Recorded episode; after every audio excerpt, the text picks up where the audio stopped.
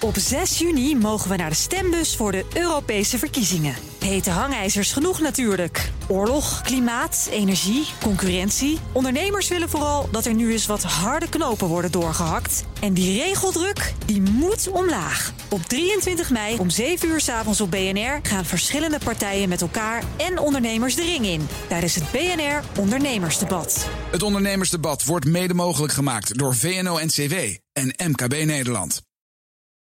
BNR Bouwmeesters wordt mede mogelijk gemaakt door Bouwend Nederland. De bouw maakt het.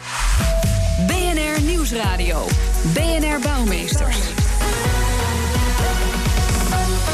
Jan Postma. Rotterdam en hoogbouw zijn niet meer los van elkaar te zien. En de komende jaren komen er alleen maar meer torens bij. Wordt Rotterdam het nieuwe Manhattan? Welkom bij BNR Bouwmeesters. Voor de bedenkers, bouwers en bewoners. De gast Erik Faber, partner bij Facton. En uh, hij adviseert op het gebied van vastgoed en ruimte. Vat ik het maar eventjes zo samen. Ja, ja. goed. En, uh, gelukkig. En ook nog in het bestuur van de Stichting Hoogbouw. Uh, die hoogbouw naar een hoger plan willen brengen. Emiel Arends, stedenbouwkundige bij de gemeente Rotterdam. En Wilco van der Ban, directeur bij bouwbedrijf AM. En ook betrokken bij een groot aantal torens in Rotterdam. Welkom allemaal. En nou moet ik eerst even iets uit de weg hebben hoor. Want we hebben het over hoogbouw. Allemaal enthousiast over dat onderwerp volgens mij. Maar niemand van u woont in een woontoren. Hoe kan dat, Erik Faber? Ja, je moet, je moet nog iets te, dro te dromen hebben natuurlijk. Nou, de, ooit wel. Dus uh, ja, ik denk dat ik binnen nu en tien jaar woon ik in de binnenstad van Rotterdam in een hoogbouw. Oké, okay, dus dat gaat gewoon uh, snel gebeuren. Die ambitie heb ik. Ja, Emiel Arends, ook wel eens uh, erover gedroomd? Gedroomd en gekeken. Maar ja. uiteindelijk gekozen voor een andere woning. Maar ik zie me dus zelf in de toekomst prima in een hoogbouw wonen. Ja, want er wordt wel eens gezegd ook een hele specifieke doelgroep. Maar uh, nou, het ligt eraan. Er zitten ook heel veel verschillende woningen in. Dus ja. voor ieder wat wil. Alle kanten op. Uh, omhoog dus ook, Wilco van der Ban. Ja, daar wil ik me graag uh, bij aansluiten. dus, uh, ik woon nu aan de rand van, van Rotterdam. En in de toekomst zie ik mijzelf ook wel in een mooi appartement in de stad. Genieten van het stedelijk weefsel en alles wat daar gebeurt. Ja. Helemaal mooi. En hoe is het tot nu toe dan nog niet zo ver gekomen? Hoe kan dat? nou, ja. Ja, eigenlijk uh, op dit moment wonen we aan de rand van Rotterdam met ons gezin. En uh, op zich zie je in de stad ook ontwikkelingen, appartementen in binnenstad. En de gemeente die ook echt inzet op het, het, het, het huisvesten van gezinnen, mm -hmm. zeg maar, in de stad. En uh, ja, daar ontwikkelen we ook nieuwe plannen voor. En uh, dat zou ook zomaar een optie kunnen zijn, uh, wat mij betreft. Ja, ja, maar dat ideale plan dat is dus nog niet helemaal voorbij gekomen, als ik dat zo hoor. Emiel Arends, er is al aardig wat hoogbouw in Rotterdam natuurlijk. Bij Skyline denken we toch aan die stad. Maar de komende jaren komt er dan ook nog flink wat bij. Hè? Hoeveel woontorens gaan we meer zien? Nou, de aankomende periode staan er 25 gepland. Sommige zijn al begonnen, sommige beginnen dit jaar en sommige volgend jaar. Maar uh, het zijn er in ieder geval veel die mm -hmm. erbij komen. En het sluit uh, netjes aan bij de verdichtingsopgave die we hebben van de binnenstad. Dus we, hebben een, uh, we willen meer inwoners in de binnenstad. Dat komt ten goede voor de levendigheid en de attractiviteit mm -hmm. van de binnenstad. En de torens is een manier om dat te doen. Want zijn het nu dan nog te veel kantoorgebouwen? Of hoe moet ik dat zien? Er is te weinig levendigheid. Nou, we hebben, we hebben natuurlijk voor de Tweede Wereldoorlog hadden we heel veel mensen in de binnenstad wonen. En dat uh, zie je langzamerhand, zie je die aantallen weer toenemen. Maar we zijn er ook van bewust dat uh, we nog lang niet op het niveau zijn waar we naartoe willen. We willen naar die 60.000 inwoners. En we zitten nu op 35.000. En dat betekent dat je moet verdichten. En hoogbouw is een hele mooie manier om dat te doen. Mm. En gelukkig is er ook veel animo om in hoogbouw te wonen. Ja, want, want, op dit moment is Rotterdam ook echt heel populair. Uh, veel mensen uit Amsterdam die het niet meer kunnen betalen. Utrecht, al die mensen komen naar Rotterdam. Uh, wordt daar al genoeg voor gebouwd? Um, nou, genoeg, weet ik niet. We proberen in ieder geval zoveel mogelijk te bouwen. Um, uh, het is hartstikke mooi dat die mensen komen. Uh, van harte welkom allemaal. Maar uh, ja, de bouwproductie moet daarmee wel omhoog. Sowieso, ja. want we blijven groeien. Ja, Wilke van der Ban, u zit ook klaar natuurlijk. Uh, uiteraard. En ja. uh, we zijn er al uh, heel veel jaren mee bezig. Hè. We zijn als gebieds- en vastgoedontwikkelaar AM al tientallen jaren actief in de stad Rotterdam. Mm -hmm. Ik denk dat wij ook mede met onze projecten een stuk skyline van, de, van, van, van Rotterdam hebben, hebben gemaakt. Hè. Maar, maar nu dus in iets van, van tien jaar tijd 25 torens erbij. denkt u dan als bouwer, ja, mooie ambitie? Of denkt u ook, wel een beetje ambitieus? Uh, nou, er zit best een stuk uh, ambitie in. Uh, aan de andere kant is het wel zo dat één hoogbouwgebouw op zich maakt nog geen skyline. En ik denk dat het ook een heel mooi beeld is. en ook heel plezierig om in te wonen. Als, als, als er meerdere hoogbouwgebouwen zijn. en er zo een, ja, zeg maar die hoogbouwzone die de gemeente mhm. in het verleden heeft bedacht. en heel terecht heeft bedacht. dat dat zijn voltooiing gaat krijgen. Ja, uh, Erik Faber, is, is Rotterdam inderdaad, uh, ja, dat is wel de stad waar we meteen aan denken bij hoogbouw. Zijn ze ook ambitieus genoeg? Mag het nog wel wat meer? Nou, ik denk dat, uh, dat Rotterdam heeft eigenlijk sinds. Eigenlijk tijdens de crisis is Rotterdam in een soort van flow gekomen. Rotterdam is tijdens de crisis blijven doorbouwen. Met een aantal karakteristieke gebouwen zoals de Markthal. Mm maar ook op woongebied zijn een aantal investeringsbesluiten genomen vlak voordat de crisis begon en tijdens de crisis om Rotterdam wel te laten doorbouwen. En ik denk van de G4 dat Rotterdam daar uh, ja, eigenlijk heel goed uh, uit is gekomen. Uh, en sluit dat eigenlijk prima aan bij het beeld wat de Nederlander ook wel van Rotterdam heeft. Rotterdam is toch een stad waar nou, dingen gebeuren, mm -hmm. waar mensen aanpakken. En dat Rotterdam eigenlijk met de vliegende vaart uit die, uit die crisis is gekomen, is mooi. En wat wel grappig is om te zeggen, want als je het over hoogbouw hebt, dan heb je het wat betreft de Stichting Hoogbouw over gebouwen hoger dan 70 meter. En in Nederland zijn er in totaal 200 gebouwen hoger dan 70 meter. En daarvan staan er 60 in Rotterdam. en dat is best bijzonder, want Rotterdam heeft eigenlijk altijd de, de laagste opbrengsten gehad uh, bij woningverkoop. En nou, je weet, als je hoog wil bouwen, heb je hoge opbrengsten nodig. En gek genoeg staan de meeste uh, hoge gebouwen in Rotterdam.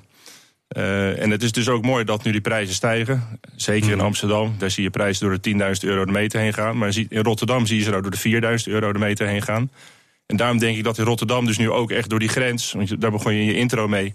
Eh, door die grens van die 150 eh, meter hoog kan gaan. Mm en dat, dat is wel bijzonder om te zien van ja, hoe, hoe ver kan dat nog verder doorstijgen? Ja, inderdaad. Dat gaan we ook een beetje verkennen zo het komende half uur. Eerst wil ik ook even kijken wat de Rotterdammers zelf nou vinden van al die hoge gebouwen. Uh, we vroegen dat dicht bij de plek waar uh, de Zalmhaventoren moet komen. En die is, als ik het goed heb, 220 meter hoog. En dat is dan in de buurt van het populaire scheepvaartkwartier. Ik, ik vind de vooruitgang heel mooi. Ik vind de stad heel mooi worden. Ik vind hem steeds mooier worden. Uh, en het wordt niet alleen uh, nationaal gezien, maar ook internationaal gezien. Dus ik, ik denk dat we op de goede weg zijn met uh, de hoogbouw in Rotterdam. Nou, dat past helemaal niet. Het is in deze omgeving. Het is een lelijk ding wordt het. Ik snap wel dat mensen denken, ja, de wijk is straks niet meer bereikbaar. Want er is gewoon één ingang daar en één ingangetje daar. Als er een paar duizend man bij komen, ja, en, uh, trouwens, het wordt veel te druk. Meer mensen kijken in het straatje. De, de, de, de wagens kan niet kwijt. Het loopt helemaal vastlopen, gegarandeerd. Niet lullen, maar poetsen. En bouwen. Maar het is wel, dit is een hele mooie wijk. Het is een hele leuke wijk. Um, ja, ik kan me voorstellen dat mensen bang zijn dat hij een stuk minder leuk wordt. Ik ben buurtbewoner, ja. Ja, nee, het is, ik vind het ook jammer. Ik, bedoel, ik vind het ook sneu voor die mensen die daar vlakbij wonen. Ik bedoel, je zal daar maar wonen daar. Hè? En dan heb je een mooi appartement, heb je, mooi uitzicht. En dan zetten ze zo'n ding voor je neus. Gelijk tegenover je. Hè? Ik bedoel, je zit bij elkaar naar binnen te kijken. Ja, ja het is wel Rotterdam, hè. Ze bouwen gewoon door. Ja, ik weet dat hij heel hoog wordt. Ja, en ik denk, uh, ja... Ik, ik, ik vind het een verrijking voor de stad weer. Maar goed, ik begrijp ook dat de mensen minder blij uh, met de toren zullen zijn. Het is al veel te druk. Moeten die mensen allemaal blijven? Ik, ik ga er vooral last hebben van de verkeersopstoppingen. Maar verder niet echt... Uh problemen ondervinden, denk ik. Het bonkend hart van de stad, hè? Dat zijn die eipalen die de grond in gerost worden. Ja, die laatste kan zo op een tegeltje. Uh, hele wisselende, maar ook altijd toch hele uitgesproken reacties. Uh, typisch Rotterdams, denk ik dan. Uh, Emiel Arends, wat we een paar keer voorbij horen komen... mensen die zich zorgen maken over de infrastructuur... of die allemaal die extra bewoning wel aankunnen. Hoe, hoe bedenkt Rotterdam wat kan en wat niet kan? Nou, ja, natuurlijk. Als iets niet kan, moet je het niet doen. Dat is uh, volgens mij altijd uitgangspunt. We hebben een hele goede verkeerskundigen die dat soort dingen kijken. Maar tegelijkertijd zie je ook dat het aantal auto's in de binnenstad echt afneemt. En dat mensen meer en meer de fiets nemen. Er zit echt een hele grote trendbreuk in. Um, dus ja, ik kan me voorstellen dat mensen denken... met al die dichtheid komt het nog wel goed met die auto's. Maar we hebben enorm geïnvesteerd in de hele binnenstad overigens... in uh, verkeer uh, in grote park garages bijvoorbeeld... Um, en andere concepten, deelauto's bijvoorbeeld. Er zijn een mhm. paar panden opgeleverd in de stad waar nu het hebben van een auto misschien niet belangrijk is, maar het delen van een auto wel. En je ziet dat daar echt minder auto's voor nodig zijn om uh, mensen tevreden te houden. Om als ze een auto willen gebruiken, dat te kunnen doen. Dus er is eigenlijk al minder druk op de binnenstad uh, op dit moment. Dat is al een ontwikkeling die gaande is. Ja, je, ziet, het, je ziet de afname van het aantal auto's uh, terug in de cijfers. en daar, daar bovenop gezet zijn er gewoon wat trends die niet, bijvoorbeeld niet alleen voor Rotterdam gelden, maar ook voor heel veel andere steden. Dus het fietsgebruik neemt toe, het deelautoconcept neemt toe. En dat ga je terugzien in die nieuwe plannen. En hoe bepalen jullie sowieso waar nou hoogbouw mag komen en waar niet? Want dit is in de buurt van, een eh, heel, hele mooie buurt met wat oudere gebouwen ook. Nou, dan komt dan in de buurt wel een hoge toren te staan. Waarom mag dat dan wel en een andere plek niet bijvoorbeeld? Nou, we hebben van tevoren gezegd: zijn er nou plekken in de binnenstad waar je het niet wil? Nou, er zijn cultuurhistorisch uh, zijn er een paar plekken waar bijvoorbeeld het uh, wederopbouw, hè, dus de, de, gebouwen die net na de Tweede Wereldoorlog zijn gezet, een soort ensemble. Daarvan hebben we gezegd: nou, moet je het eigenlijk niet doen. Mm vooroorlogse gebieden, die we, daar hebben we er nog een paar van. Maar ehm, de, het, het, deel waar in het filmpje aan gerefereerd werd, is gewoon onderdeel van de hoogbouwzone. En op de plek waar dat gebouw komt, stond eigenlijk een kantoorgebouw wat. Ook hoog was? Ook, nou, niet hoog, maar uh, dat deed eigenlijk vrij weinig. Mm -hmm. En wat er nu terugkomt, is gewoon een programma met meer mensen, meer levendigheid, ook wonen op de grond. Um, en past prima in de hoogbouwbeleid zoals we dat hebben gemaakt. Dus mm -hmm. we, we, we, staan het niet overal klakloos toe. Nee, uh, Erik Faber, ik heb dan het idee dat Rotterdam misschien ook wat, wat vrijer is uh, qua hoogbouw. Dat daar wat niet mag. Is dat ook zo? Nou, ik, ik denk dat met die hoogbouwvisie en die hoogbouwzone... dat heel duidelijk is aangegeven in welke as zeg maar, tussen Centraal Station en, en de Laan op Zuid... dat daar echt die, in die as daar mag 150 meter en volgens mij ook nog wel ergens wat hoger, hè, naar 200 meter. Ja, niet, ja. Dus, dus, die, dus, dus die as uh, die, die wordt ook benut. En ik denk dat het goed is om op, op die manier te, te centraliseren. Want hoogbouw is alleen maar leuk als je ook echt verdicht. Als je een hoop functies bij elkaar hebt, uh, dan gaat het ook functioneren. Dat zei net iemand anders ook, niet of Wilco... Emiel, maar, ja, maar die, die, die, verdichting, volgens mij moet je het ook meer over verdichting hebben en stapelen van functies. En dat, dat wat je in het buitenland ziet, in Londen, Parijs en New York, waarom willen mensen allemaal in die binnensteden wonen, wat heel veel dingen op korte afstand zitten. Ja, en die kritische massa, dat, dat bij elkaar brengen, dat zie je nu in Rotterdam en in Amsterdam ook ontstaan. Uh, en ja, volgens mij moet je daar op inhaken als stad. En dan wordt het nog aantrekkelijker. En naast de fiets ook volgens mij het metrogebruik in Rotterdam uh, stijgt uh, enorm. Dus mm -hmm. nou, dat hoort wel een beetje bij Metropool, dacht ik. Ja, ja inderdaad. Uh, Wilke van der Ban, is dat dan ook iets waar, waar in de ontwikkeling van nieuwe gebouwen rekening mee wordt gehouden? Ik kan me voorstellen, als je inderdaad verdichting wil, meer voorzieningen, dan moet er op, op ground level moeten dan wel wat voorzieningen komen. Ziet u dat ook terug in de projecten waar u mee bezig bent? Nou, absoluut, dat zie je, zie je zeker terugkomen. En je ziet ook dat de ervaring daar uh, op een gegeven moment gaat, gaat meespelen. Uh, meer verdichting uh, leidt tot andere keuzes. Er werd net al gezegd over mobiliteit. Um, je ziet eh, ondergrondse infrastructuur, eh, parkeergarages die kunnen kleiner worden. Het aanbod van de auto's is kleiner. Er wordt meer over sharing gesproken. Mm -hmm. er worden ook andere manieren van vervoer gebruikt. elektrische fietsen zijn heel populair in de stad. Uh, waardoor het autogebruik wordt teruggedrongen. En mensen hebben vaak niet eens een auto meer in die stad. Dus dat is een van de dingen die erin zitten. Uh, een ander punt is, uh, wat ik graag wil aanhalen, is de City Lounge gedachte die de gemeente Rotterdam heeft bedacht. Uh, laten we zeggen, het beleid dat het, het, het, uh, het buitengebied, de buitenomgeving voelt als de woonkamer. Ja, ja. Uh, en die kwaliteit in de stad ook het gebouw intrekken. Doordat je zegt van we maken gewoon een, echt een hele goede entreeruimte. Mm. met ruimte met glas waar je doorheen kunt lopen. en wat publiekstoegankelijk is. zodat de binnen- en de buitenruimte met elkaar in contact komen. Ja. en dat het ook minder, minder vol lijkt. Ja, en uh, zo gaan we het er nog even meer hebben over de vraag waarom het nou juist Rotterdam is dat zo'n hoogvlieger is voor uh, hoogbouw. Nieuwsradio. BNR Bouwmeesters. Ja, bij een indrukwekkende skyline in Nederland denk je toch, zelfs hier in Amsterdam, meteen aan Rotterdam. Met nog 25 torens in minder dan 10 jaar wordt er de komende jaren flink bijgebouwd. Waarom is Rotterdam nou de Nederlandse top als het gaat om hoogbouw? Daarover praat ik verder met mijn gasten. Erik Faber, partner bij Facton en ook in het bestuur van de Stichting Hoogbouw. Emiel Arends, stedenbouwkundige bij de gemeente Rotterdam. En uh, Wilco van der Ban, directeur bij bouwbedrijf AM. En uh, ook betrokken bij een groot aantal torens, onder andere in Rotterdam. Um, Erik Faber, laten we eerst eens even een beetje in die geschiedenis duiken. Want uh, nou, ik stelde de vraag net al een beetje. Hoe komt het nou eigenlijk dat Rotterdam echt koploper is, hoge gebouwen? Waar komt dat? Ik, ik, ik moet dan meteen aan bombardementen en dat soort dingen denken. Maar is dat ook de reden of zit er iets heel anders achter? Nou nee, ik, ik denk dat, dat, uh, dat er in de jaren 50, 60 is er een, een stedenbouwkundig plan ontwikkeld door de stad zelf. vrij rigide, wat af en toe ook wel een beetje aan New York denkt, waar een hoop ruimte is voor, voor nieuw soort gebouwen.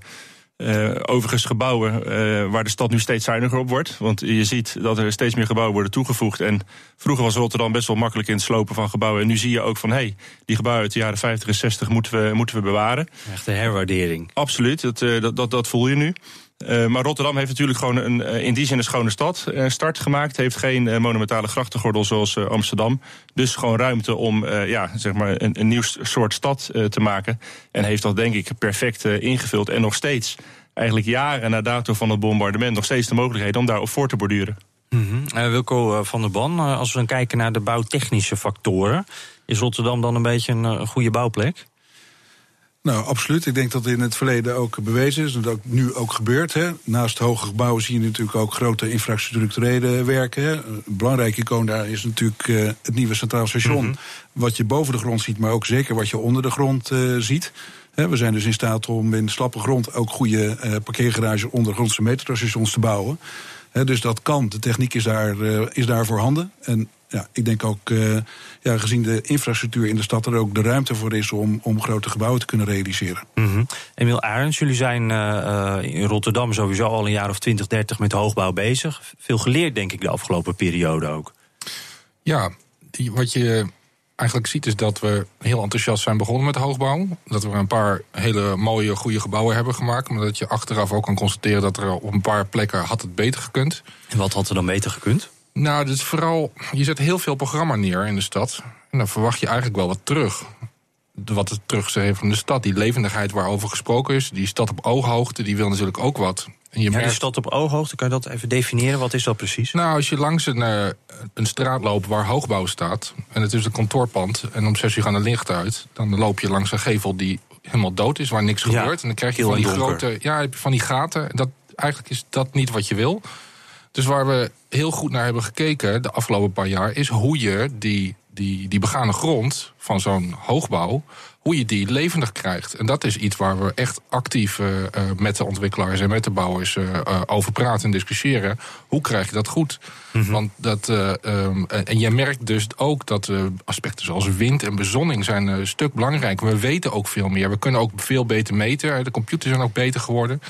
Dus we kunnen van tevoren al vrij goed een inschatting maken hoe dat soort dingen, uh, uh, wat de gevolgen zijn van, uh, van de nieuwe toren. Ja, ja Erik Faber, dat, dat, dat lijkt me ook, dat, dat maakt het proces wat anders. Die, die ja, waar, waar ik op inbouw haak is dat je met name op de Wilhelminapier, toch wel het Menetten aan de Maas genoemd, dat je gewoon ziet dat als je zo'n nieuw, gebouw, nieuw, zo'n nieuw gebied maakt met nieuwe gebouwen, dat het kost gewoon 10, 15 jaar voordat daar loop in komt. Wij hebben destijds met de ING Montevideo opgeleverd in 2005. Mm -hmm. uh, nou, we zijn nu twaalf jaar verder en je merkt nu pas dat, dat er loop in het gebied komt. Met name ook door de ontwikkeling van Katendrecht. Gek genoeg een ontwikkeling naast de Wilhelminapier.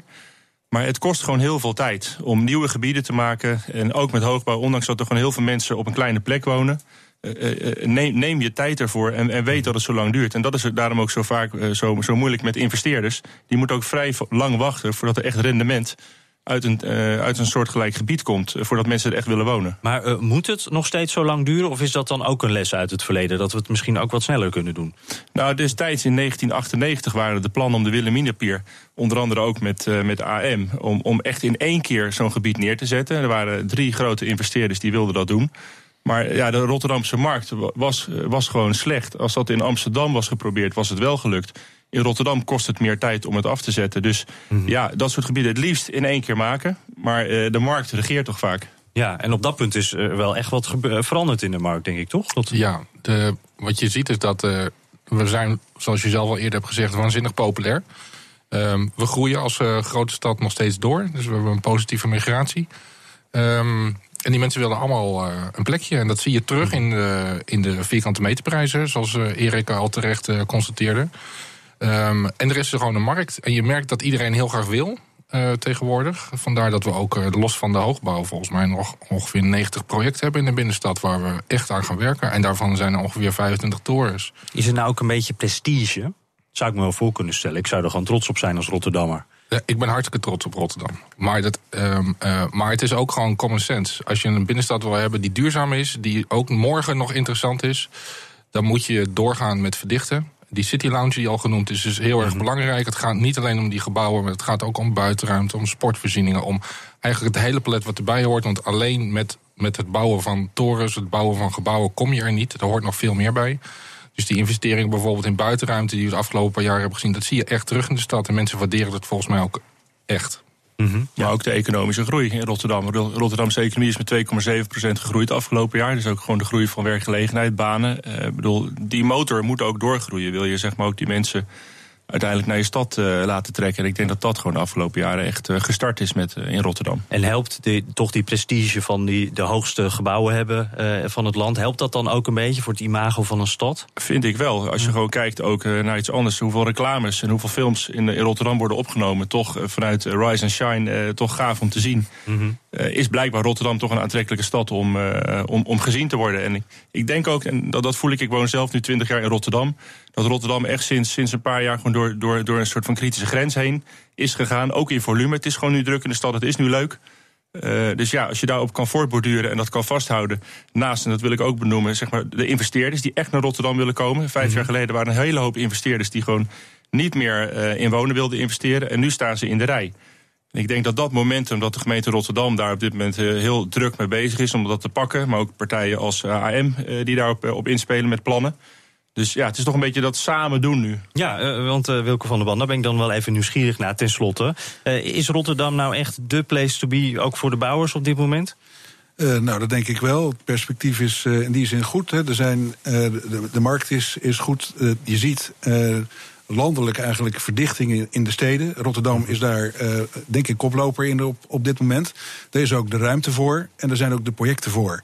Uh, daarnaast uh, wordt Rotterdam steeds leuker. Ik woon mijn hele leven al in Rotterdam. En ik vind het. Weer een Rotterdammer, ja. ja. Inderdaad. um, dus, en ik vind het elke dag leuker worden in de stad. En ja, dat stralen wij ook uit. ook middels onze projecten, ook hoe we dat doen. en dat, ja, dat trekt ook mensen aan. En dat is leuk. Ja, kijk, en dan uh, niet lullen, maar uh, bouwen dus. Uh, dank Erik Faber, partner bij Facton en ook in het bestuur van de Stichting Hoogbouw. Emiel Arends, stedenbouwkundige bij de gemeente Rotterdam. En Wilco van der Ban, u hoorde hem net, hij is directeur bij bouwbedrijf AM... en dus ook betrokken bij heel wat bouwprojecten in Rotterdam. Vraag het Fred.